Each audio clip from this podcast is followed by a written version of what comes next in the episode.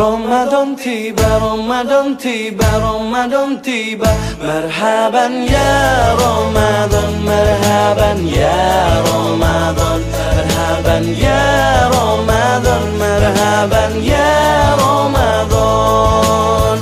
Ramadan tiba, Ramadan tiba, Ramadan tiba. Bismillahirrahmanirrahim. Assalamualaikum warahmatullahi wabarakatuh Pemirsa smart cendekia kita yang dirahmati Allah Ta'ala. Alhamdulillahirabbil alamin. Allahumma salli ala Sayyidina Muhammad wa ala alihi wa ashabihi ajma'in. Wa ba'du. hari ini kita berada pada hari ke-12 bulan Ramadan 1441 Hijriah. Semoga Allah senantiasa menjaga kita dalam kesehatan dan ketaatan sehingga amal ibadah kita dapat kita jaga secara maksimal dan diterima di sisinya. Amin ya Allah. Pemirsa sekalian, pada kesempatan kali ini saya akan bawakan tema tentang Allah mencintai orang yang bertaubat. Allah Subhanahu wa taala telah menciptakan kita disertai dengan takdirnya.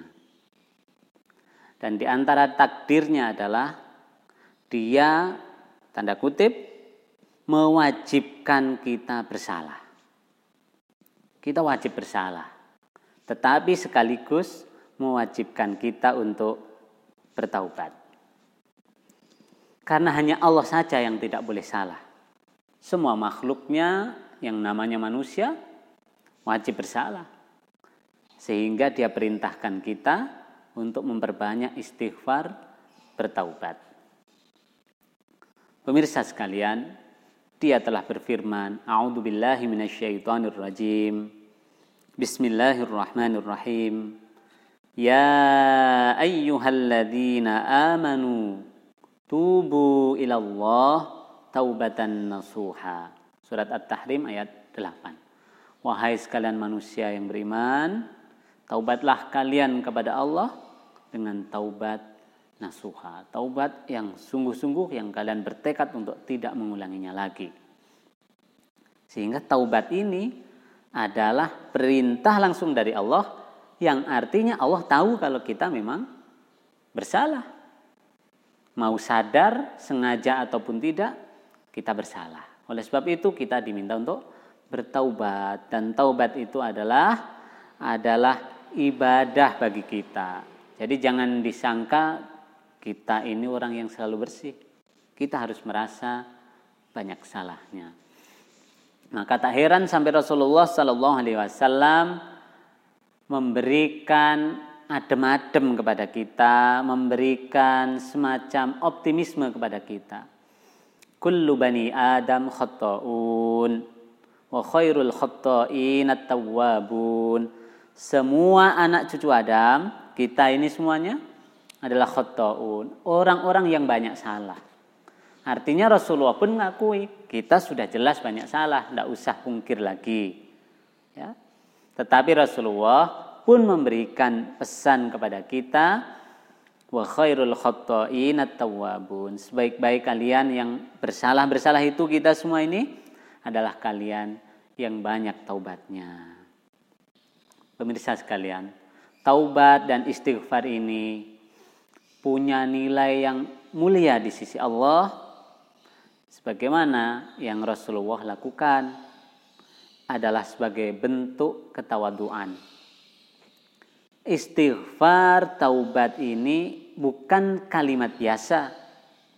Dia kalimat yang seluruh nabi mendengungkannya, mendikirkannya. Maka tak satu pun nabi yang Allah utus di bumi ini kecuali membawa pesan istighfar untuk memohon ampun kepada Allah. Nabi Adam, Nabi Nuh, Nabi kita Muhammad. Seperti apa misalnya Nabi kita Muhammad? Nabi kita Muhammad dalam hadisnya beliau mengaku bahwa beliau beristighfar minimal dalam satu hari satu malam itu 70 kali. Di lain kesempatan beliau mengaku mi'ata marrah. 100 kali. Berarti istighfarnya Rasulullah dalam sehari semalam minimal 100 kali. Antara 70 sampai 100. Kalau dihitung kuantitasnya adalah 70 sampai 100. Misal kita sholat lima waktu sehari semalam. Dalam satu kali sholat lima waktu kita membaca 20 kali kali lima itu menyamai istighfarnya Rasulullah yang menurut saya itu belum pantas. Karena apa? Rasulullah ini 100 kali istighfar padahal kondisi beliau maksum, terampuni dari dosa, aktivitasnya dijaga Allah dari kemaksiatan. Itu istighfarnya saja 100 kali. Yang kalau kita ambil makna tersembunyi di balik istighfar Rasulullah 100 ini adalah yang pertama syukur, yang kedua adalah tawadu. Maka kita harus belajar dari Rasulullah dengan ketawaduan beliau. Ya. Tidak ada orang sekelas kita kok tidak punya dosa. Sekelas Rasulullah saja beristighfar mengakui banyak dosa. Itu bentuk tawaduk yang sangat tinggi. Oleh sebab itu pemirsa sekalian, jangan tinggalkan istighfar sehabis sholat kita. Jangan sama sekali. 20 istighfar saja menurut saya masih kurang. Makanya kita harus iringi dalam zikir kita ketika berbuat salah. Kita istighfar. Kita berjalan naik kendaraan, kita istighfar. Kita ngomong keliru, kita istighfar.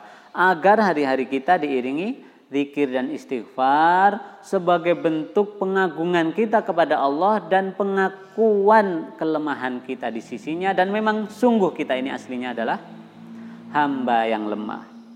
Oleh sebab itu pemirsa sekalian mari perbanyak taubat, jadikan istighfar dan taubat ini menjadi gaya hidup kita sehari-hari. Semoga Allah menjadikan kita orang-orang yang terampuni dosanya sehingga nanti ketika harus berpisah dengan dunia ini kita menjadi orang yang meninggal dalam husnul khotimah. Amin ya rabbal alamin. Demikian semoga Allah memudahkan kita untuk bertaubat. Allah menerima ibadah kita pada hari ini dan menjadikan amal kita dilipat gandakan. Amin ya rabbal alamin. Selamat berbuka puasa. Assalamualaikum warahmatullahi wabarakatuh Ya Ramadan